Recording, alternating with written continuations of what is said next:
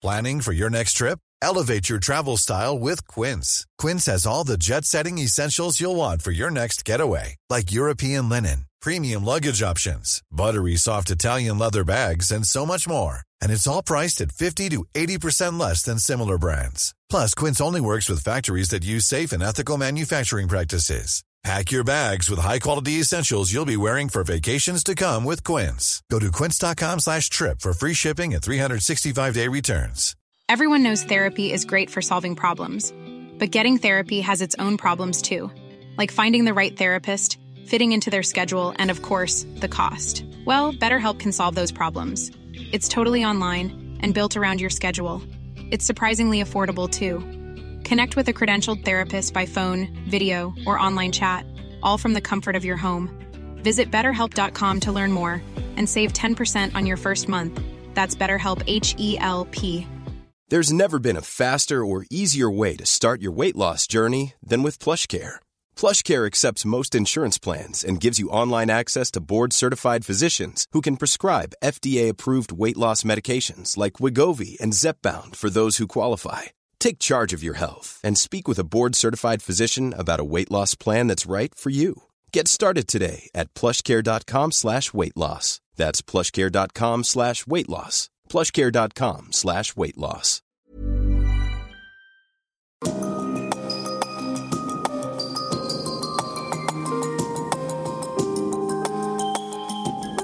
Du lytter til podkast fra Oslo Militære Samfunn. Se vår hjemmeside oslomildsamfunn.no. Forsvarssjef, generaler, admiraler, kjære medlemmer, kjære gjester. Velkommen hit til Oslo Militære Samfunn, til vårt eh, mandagsmøte. Hvert eneste år siden 2011 så har E-tjenesten utarbeidet og fremlagt en årlig, ugradert vurdering.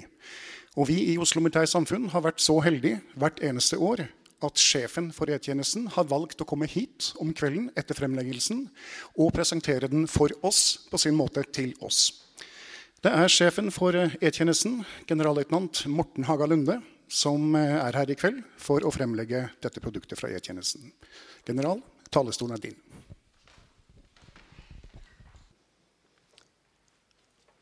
Forsvarssjef, formann, ærede forsamling. Takk for nok en mulighet til å foredra fra en av Norges viktigste talerstoler og gi et innblikk i vårt arbeid. Jeg har i formiddag overlevert Etterretningstjenestens åpne trusselvurdering til forsvarsministeren. Fokus 2019 er E-tjenestens vurdering av de mest sentrale utviklingstrekkene i de land og temaer som tjenesten har fått i oppdrag å følge. Utviklingstrekk som enten er en trussel, eller som kan utvikle seg til en trussel mot Norges sikkerhet. 12.2, altså i morgen, går høringsfristen for forslag om ny etterretningslov ut. Dagens lov er fra 1998 og er på mange måter utdatert. Ikke minst sett opp mot den teknologiske utviklingen og de trusler vi står overfor i dag. I løpet av disse årene har verden endret seg dramatisk, særlig innenfor det digitale domenet. Mer enn 98% av kommunikasjonen i verden i dag skjer gjennom fiberkabler. I forslaget til ny lov ligger det nødvendige rettsgrunnlaget for de oppgavene E-tjenesten er satt til å utføre. Lovforslaget innebærer en modernisering i tråd med rettsutviklingen, særlig på menneskerettighets- og personvernområdet. Lovforslaget innebærer ikke en endring eller begrensning i E-tjenestens oppgaver eller samfunnsoppdrag. Lovforslaget tydeliggjør E-tjenestens samfunnsoppdrag. Overordnet beskrives den norske utenlandsetterretningens oppgaver å være å innhente og analysere informasjon om utenlandske militære og sivile mål med tanke på trusler mot statssikkerheten, alvorlige trusler mot norske interesser i utlandet eller samfunnssikkerheten i Norge, forhold av utenriks-, forsvars- og sikkerhetspolitisk interesse, samt forhold av betydning for nasjonale eller internasjonale militære operasjoner. Disse forholdene danner allerede i dag utgangspunktet for våre vurderinger av truslene mot Norge. Jeg vil i det følgende redegjøre for noen av disse, slik de reflekteres i Fokus 2019. I mitt virke som etterretningssjef er jeg vitne til det overfor, at det trusselbildet vi står overfor, preges av høy kompleksitet og stor omskiftelighet. Teknologiutviklingen generelt og digitaliseringsprosessen spesielt har medført at staters og ikke-statlige aktørers handlingsrom er utvidet. Truslene er mer og mer sektoroverskridende og alle samfunnssektorer kan gjøres til gjenstand for angrep. Dette er ikke bare trekk ved sikkerhetssituasjonen Norge befinner seg i. Utviklingen stiller også nye krav til Etterretningstjenesten. Dette ønsker jeg å utdype i dette foredraget. Jeg starter med å ta opp tråden fra forsvarssjefens budskap om at Norges forsvar er for lite til at vi over tid kan møte våre forpliktelser nasjonalt og internasjonalt. Fra denne talerstolen har han tegnet et bilde av et Russland i endring. Det er derfor naturlig å utdype denne vurderingen med å starte med utviklingen i våre nærområder. Betydningen av Arktis har stått sentralt i moderniseringen av den russiske militærmakten de siste ti årene. Selv om Russland har sine utfordringer, har de evnet å slanke og modernisere militærmakten betydelig. Nordflåten er etablert som egen strategisk kommando, og basestrukturen langs den arktiske kystlinjen er rustet opp. Militærmaktens evner til rask forflytning og koordinert innsats er betraktelig forbedret. Dette betyr at Nordflåten kan trekke på hele den russiske militærmaktens ressurser ved behov. Og er i dag et svært anvendelig politisk verktøy for Kreml. Disse utviklingstrekkene tør, være godt kjent. La meg derfor si noe nærmere om utviklingen i 2018 og hva vi kan forvente i årene fremover. For det første har vi det siste året observert endringer i Nordflåtens militære aktivitetsmønster. Vi har sett forskyvninger i treningssyklusen, der det russiske øvingsmønsteret har tilpasset seg alliert aktivitet. For det andre ser vi en videreføring av Nordflåtens utvidede samarbeid med andre militærdistrikt. Høsten 2018 deltok Nordflåten med land- og sjøstyrker i den strategiske øvelsen Vostok, som ble gjennomført i det østre militærdistrikt med seilas til Beringstredet. Nordflåten demonstrerte her evnen til hurtig forflytning av store styrker over store avstander samt koordinert fellesøving. Utviklingen innebærer økt uforutsigbarhet samtidig som det viser et økende behov for å følge russisk militærmakt på tvers av militærdistrikter i årene fremover. For det tredje ser vi at videreutviklingen av bastionforsvaret og evne til militær maktprojeksjon øker.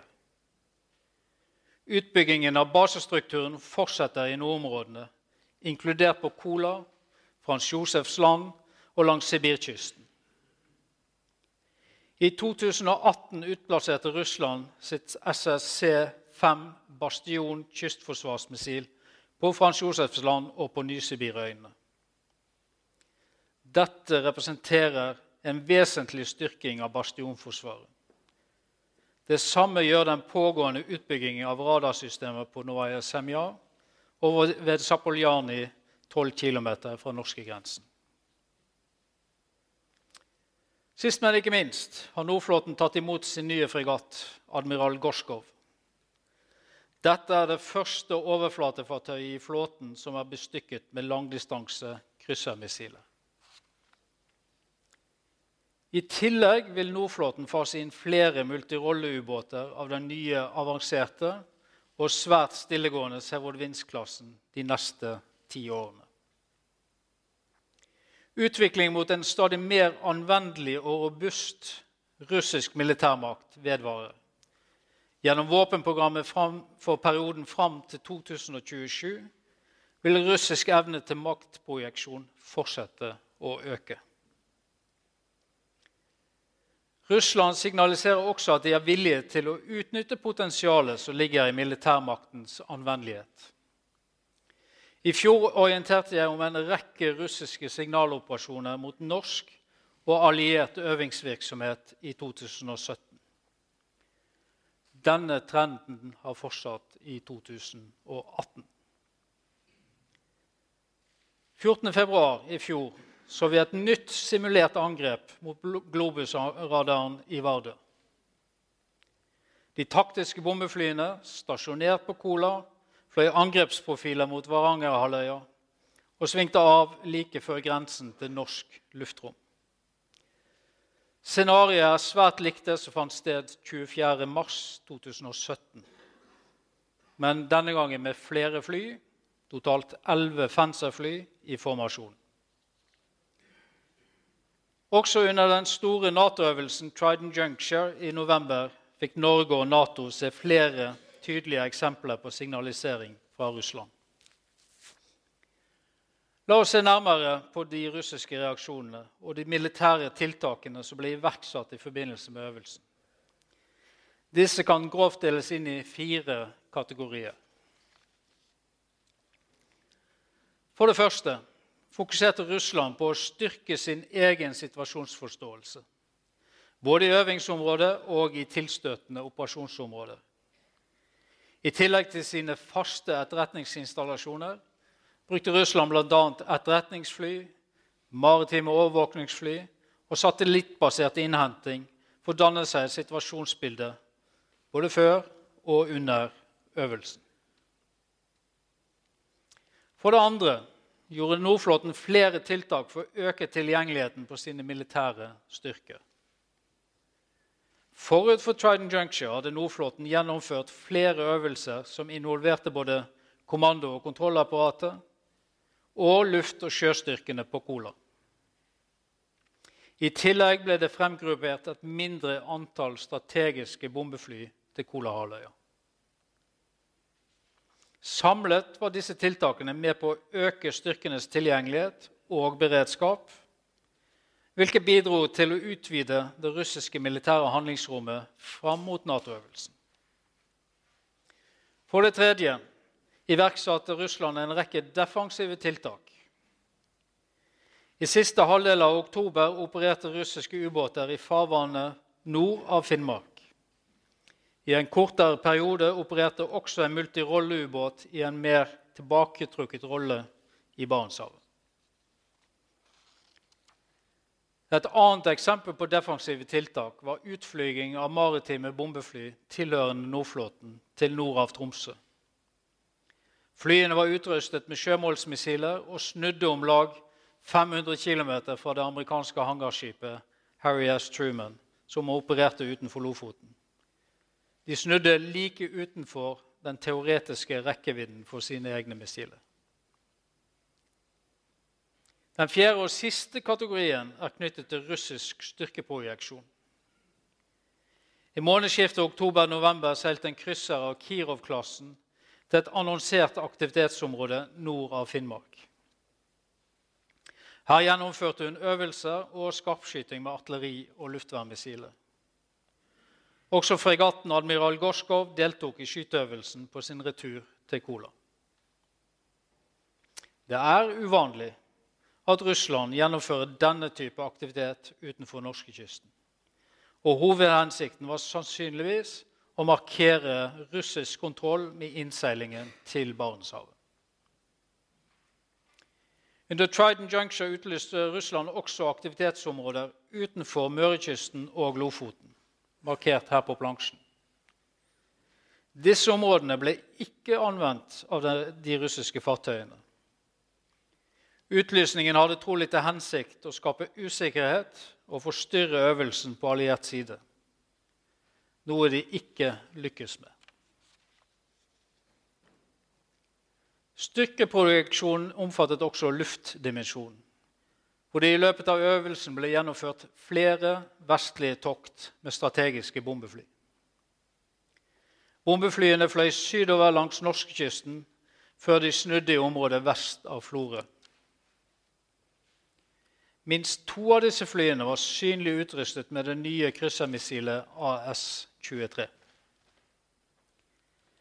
Missilet har en antatt rekkevidde på over 4000 km mot mål på bakken.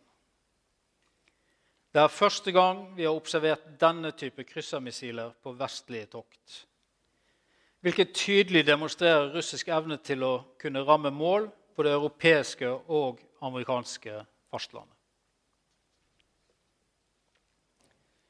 Oppsummert samsvarer de russiske handlingene godt med vår forståelse av det russiske bastionsforsvarskonseptet, hvor et flerdimensjonalt, lagvis forsvar av den indre bastionen i Barentshavet skal beskytte den maritime komponenten av den kjernefysiske triaden. Et element vi knytter særlig bekymring til, er russisk bruk av jamming nær grensen til Norge. Vi registrerte flere tilfeller av GPS-utfall over norsk territorium under øvelsen. Ikke bare er dette til hinder for norsk og alliert militær øving. Det representerer også en trussel for sivil aktivitet i fredstid, inkludert lufttrafikk og sivile beredskapstjenester. I midten av oktober 2018 utstasjonerte Russland et jammesystem på Loistar i flybase ca. 16 km fra norskegrensen. De påfølgende dagene registrerte vi korte, sporadiske tilfeller av jamming. Sannsynligvis knyttet til russisk øvingsaktivitet. Innen 24.10 ble utstyret flyttet til Sjar øvingsområde, høyere i terrenget. Dagen etter, under oppstart av Trident Juncture, så vi at operasjonsmønsteret endret seg vesentlig. Jammingen økte markant i omfang og signalstyrke. Dette påvirket store deler av luftrommet over Finnmark, og sivile fly mistet sine GPS-signal. Jammingen opphørte 7.11., samme dag som øvelse Trident Juncture ble avsluttet. Markeringen på kartet viser jammerens vurderte virkeområde inn over norsk territorium. Og som dere ser, mener vi at systemet opererte i en sektor rettet mot vest. Grafen nede på, til høyre på bildet viser økningen i jammeraktivitet som sammenfalt nøyaktig i tid med Trident Juncture, og for så vidt også innrapporterte utfall av GPS-utstyr på sivile fly på vei til Kirkenes. Vår vurdering er at aktiviteten var direkte relatert til øvelsen og sannsynligvis ble gjennomført for med hensikt å påvirke norsk og alliert bruk av luftrom under øvelsen. Dette er en utvikling vi ser på med bekymring, og representerer et nytt element i det nye normalbildet som er under utvikling i nordområdene. Parallelt med den militære aktiviteten ser vi at russiske myndigheter tar nye grep for å befeste og styrke nasjonal kontroll i nordområdene, også på sivil side. I 2018 vedtok den russiske domeren en ny lov for nordområdene. Annet gir denne loven det statlige kjernekraftselskapet Rosatom vide fullmakter til å utvikle regionen, ikke minst den nordlige sjøruten. Den russiske utviklingen i Arktis stiller nye og økte krav til Norges forsvarsevne.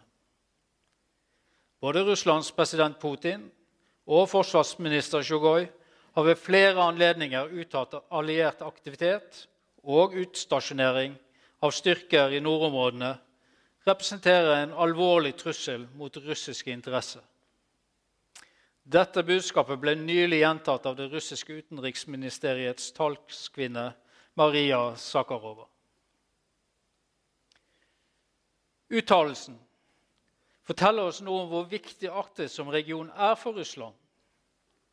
Det er også indikasjoner på at den globale stormaktsrivaliseringen for alvor er i ferd med å sige innover våre umiddelbare nærområder i nord.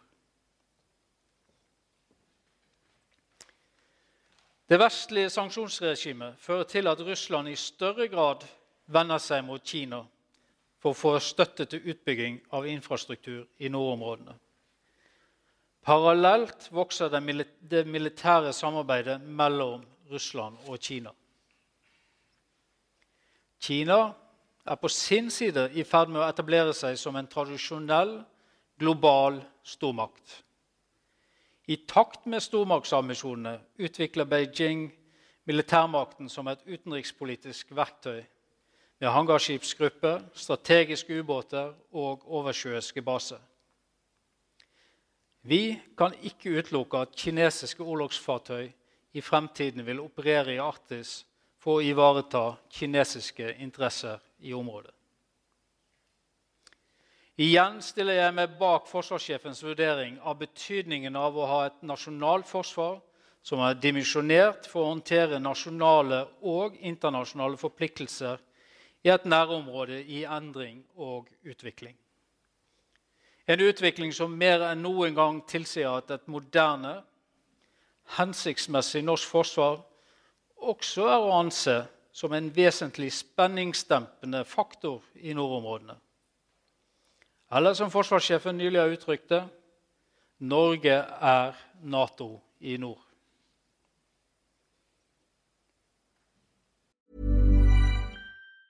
Burroughs Furniture is built for the way you live. From ensuring easy assembly and disassembly to honoring highly requested new colors for their award-winning seating, they always have their customers in mind. Their modular seating is made out of durable materials to last and grow with you. And with Burrow, you always get fast, free shipping. Get up to 60% off during Burrow's Memorial Day sale at burrow.com slash ACAST. That's burrow.com slash ACAST. burrow.com slash ACAST. Hiring for your small business? If you're not looking for professionals on LinkedIn, you're looking in the wrong place. That's like looking for your car keys in a fish tank. LinkedIn helps you hire professionals you can't find anywhere else, even those who aren't actively searching for a new job but might be open to the perfect role. In a given month, over 70% of LinkedIn users don't even visit other leading job sites. So start looking in the right place. With LinkedIn, you can hire professionals like a professional. Post your free job on linkedin.com slash people today.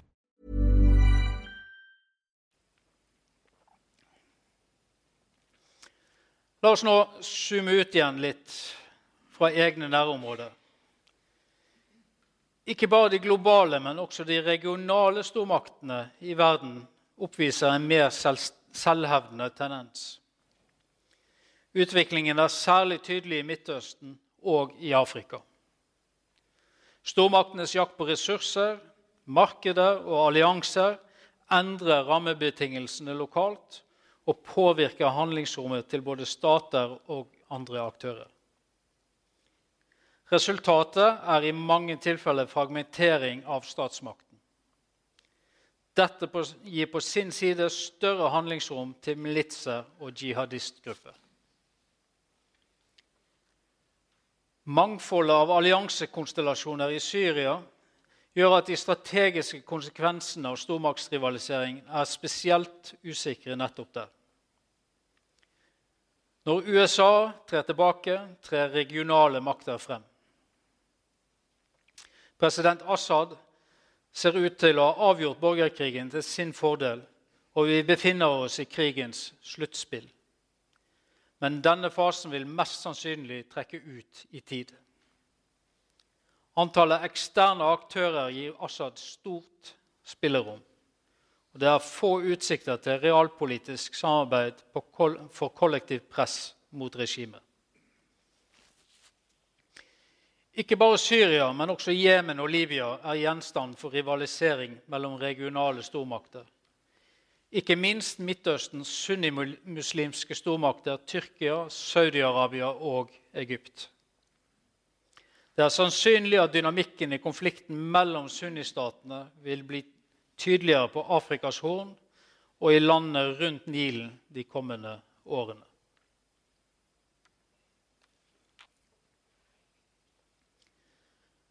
Russlands brudd på INF-avtalen, som forbyr alle landbaserte missiler med rekkevidde mellom 500 og 5500 km, skaper sikkerhetspolitiske utfordringer.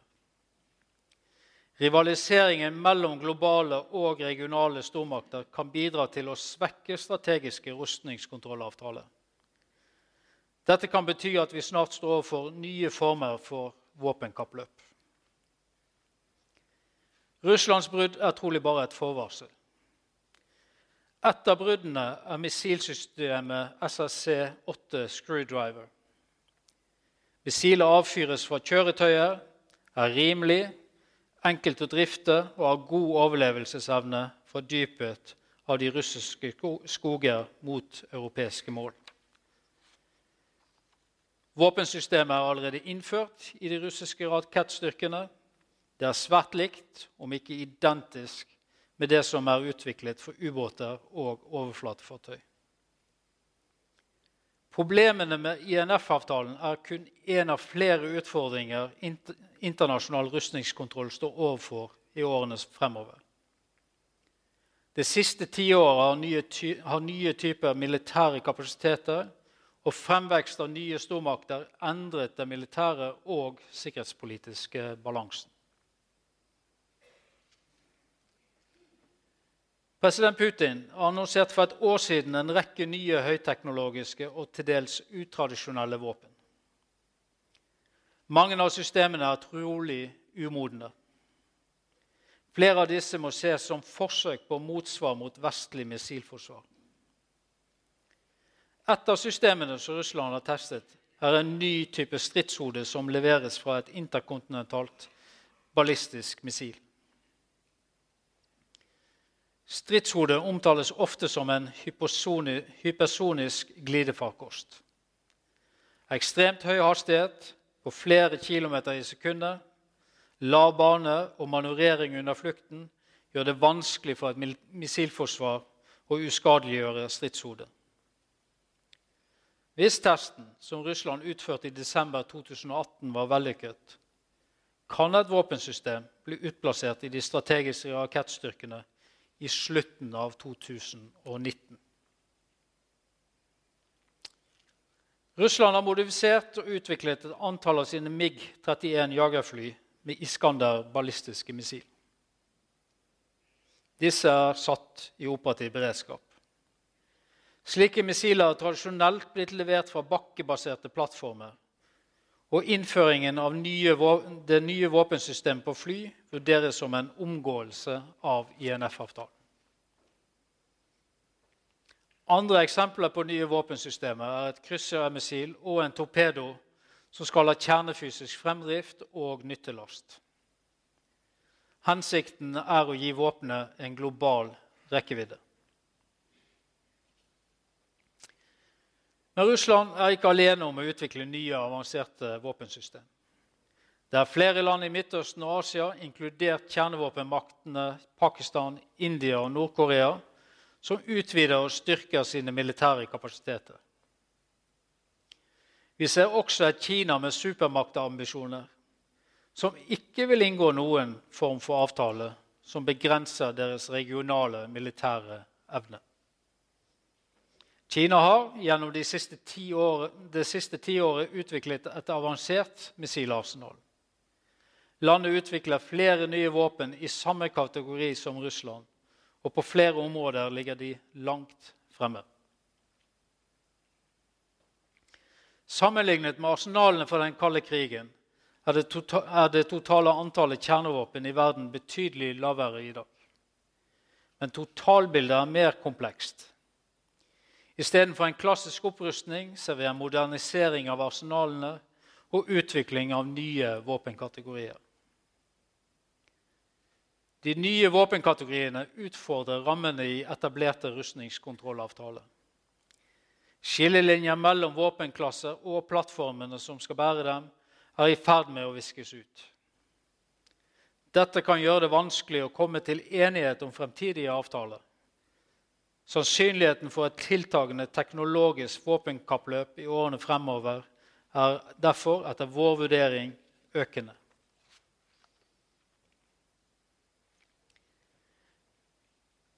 Mens utviklingen i Midtøsten, Afrika og Asia speiler stormaktsrivaliseringen, representerer kampen mot internasjonal terrorisme et unntak. Sammenfallende interesser og samarbeid har bidratt til, betydelig, til en betydelig svekkelse av ISIL. Antallet terrorangrep utført av islamistiske ekstremister i Europa er halvert. Vi regner med at denne trenden vil fortsette. I tillegg vil ISIL mest sannsynlig ha mistet kontrollen i sitt okkuperte territorium i Syria og Irak i løpet av denne vinteren. Likevel er det flere forhold som peker mot mer et mer sammensatt og uoversiktlig trusselbilde innenfor internasjonal terrorisme. For det første har ISIL større kapasitet, bredere nettverk og langt flere krigere i Syria og Irak i dag enn da USA i 2010 erklærte operasjon Iraqi Freedom for avsluttet. Det kan dreie seg om 20 000-30 000 krigere. I motsetning til 2010, da anslaget var ca. 1000 gjenværende ISIL-krigere. For det andre har ISILs øvrige filialer i andre land i mindre grad blitt svekket som følge av kampene i Syria og Irak. Organisasjonen har fortsatt mange tilhengere i Europa, og det er klare tegn på at den fortsatt kan øve innflytelse over radikale miljøer og individer. Vi ser med andre ord at ISIL er sterkt svekket, men ikke bekjempet. Og Det er flere forhold som indikerer at ISIL raskt kan gjenoppbygge sin kapasitet. I tillegg til dette potensialet ser vi flere andre utvikling, utviklingstrekk av betydning. Antallet terrororganisasjoner er fortsatt svært høyt.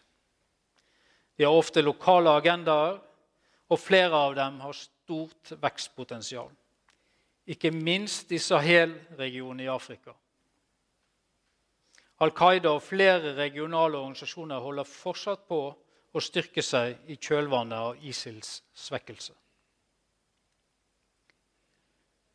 Også i Europa ser vi en utvikling mot et mer forskjelligartet og uoversiktlig trusselbilde. Fremmedkrigere har fortsatt stor betydning i og påvirkning på radikale miljøer.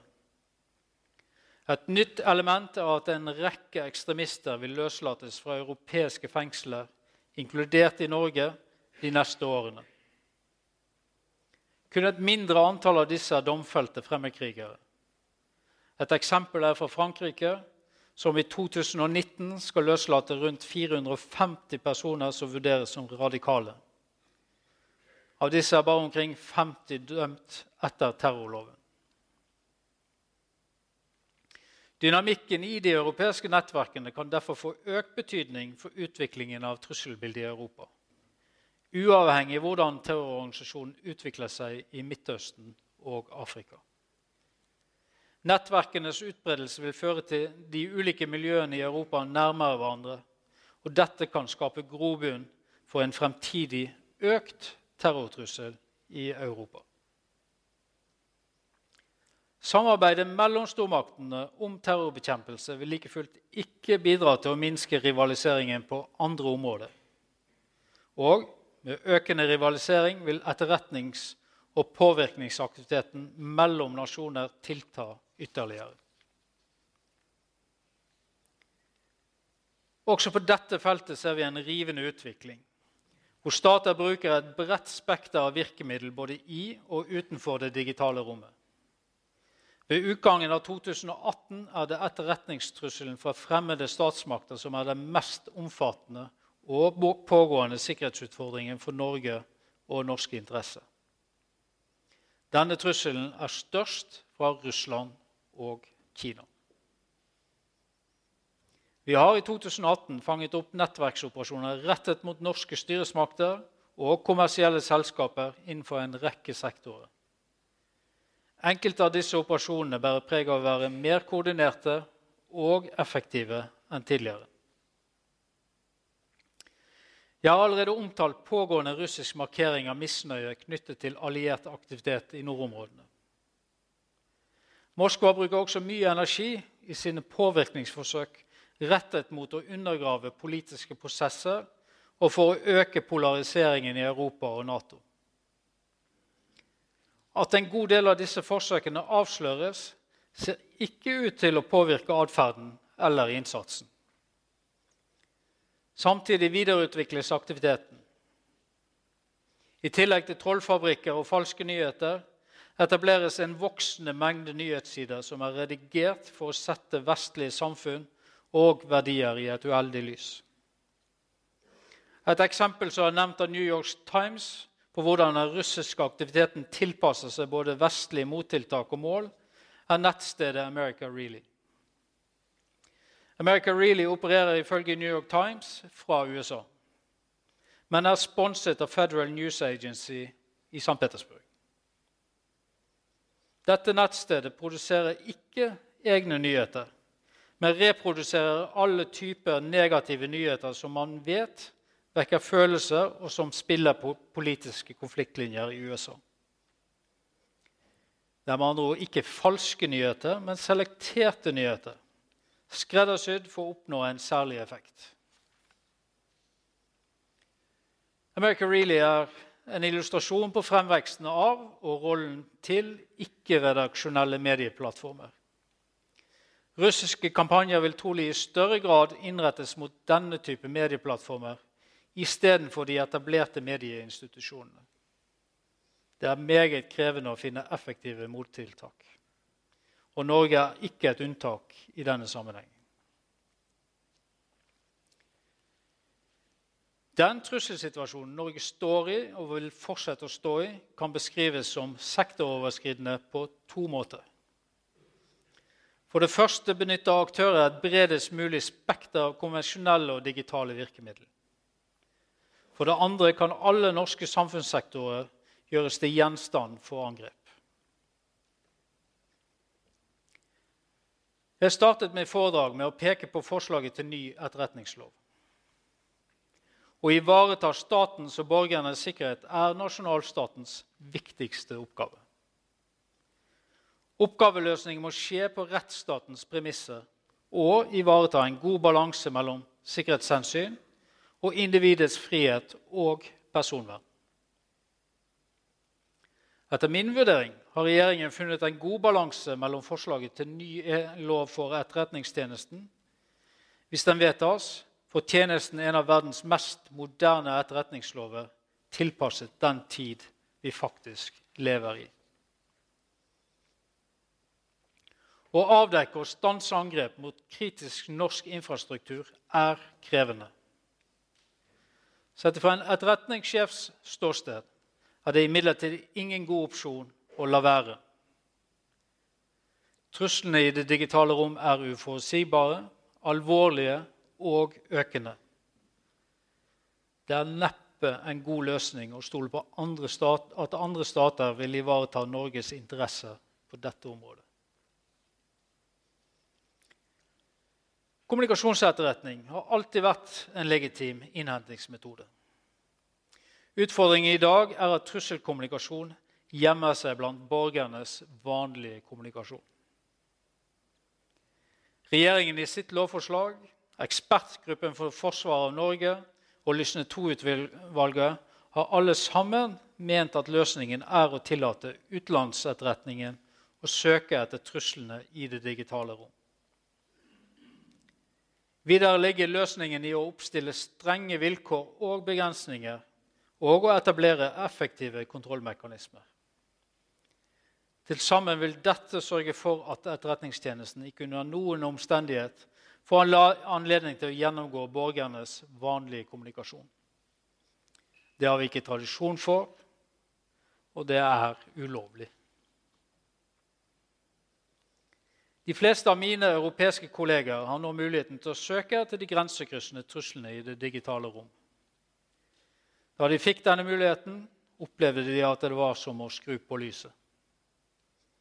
Norge er et av de siste landene i Europa som eventuelt innfører denne metoden.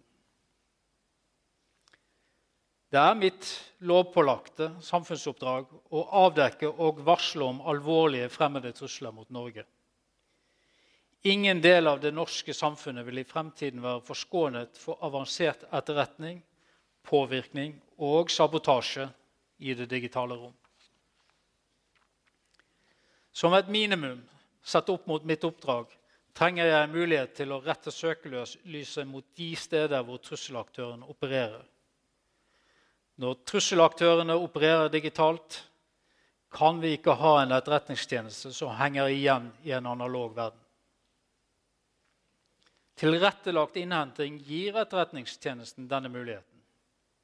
Metoden vil fungere som en inngangsverdi for å kunne avdekke og avverge de mest alvorlige truslene mot Norge. Verdien vil være betydelig selv om kommunikasjonen i økende grad krypteres.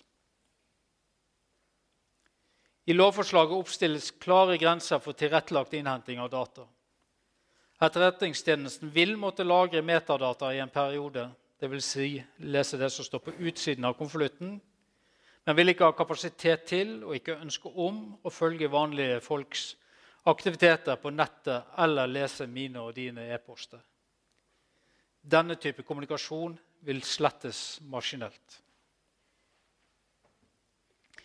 Det finnes selvfølgelig ikke ett svar på hvor balansen mellom sikkerhet og personvern bør trekkes.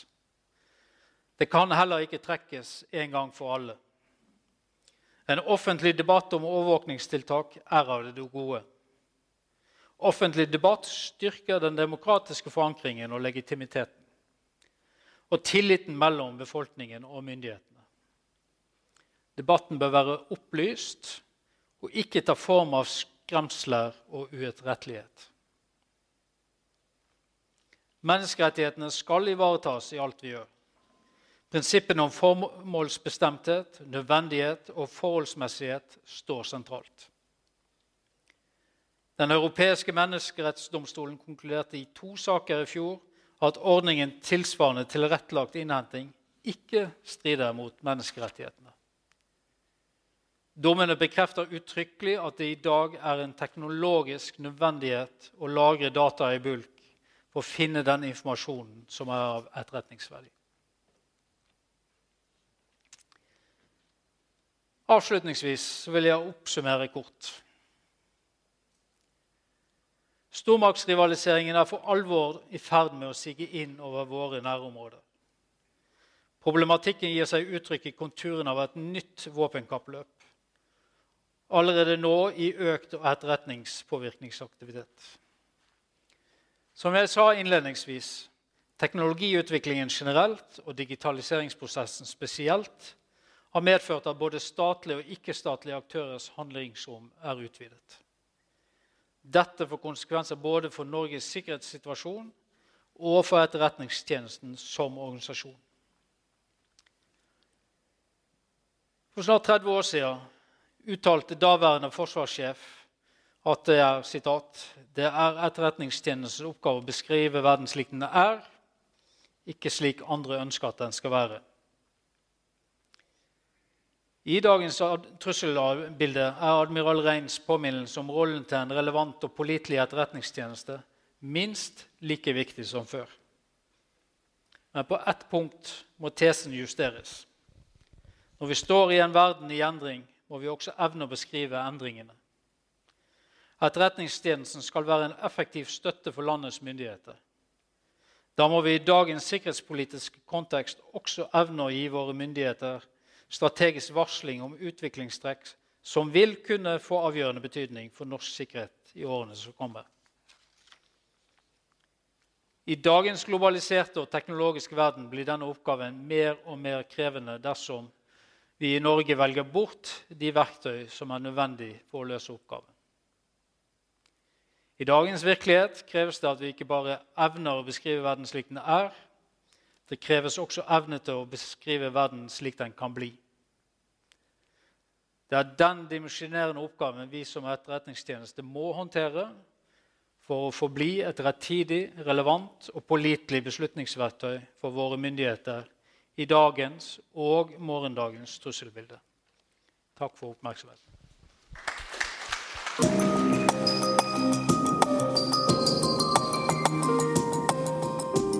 Du lytter til podkast fra Oslo Militære Samfunn. Se vår hjemmeside oslomildsamfunn.no.